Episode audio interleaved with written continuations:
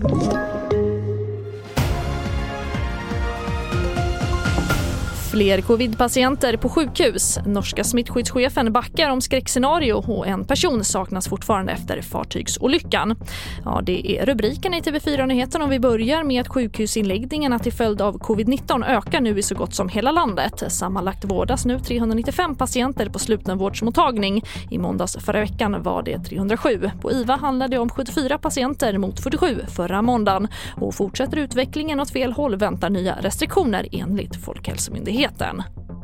Och den norska smittskyddsdirektören Frode Fåland backar nu från scenariot som publicerades igår om extrem spridning av covid-19 i Norge. Uppemot 300 000 sas kunna smittas dagligen inom några veckor.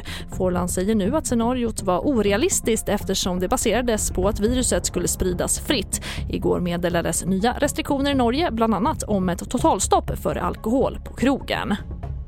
Och vi avslutar med att två personer anhållits misstänkta på sannolika skäl för flera brott efter fartygsolyckan på Östersjön igår.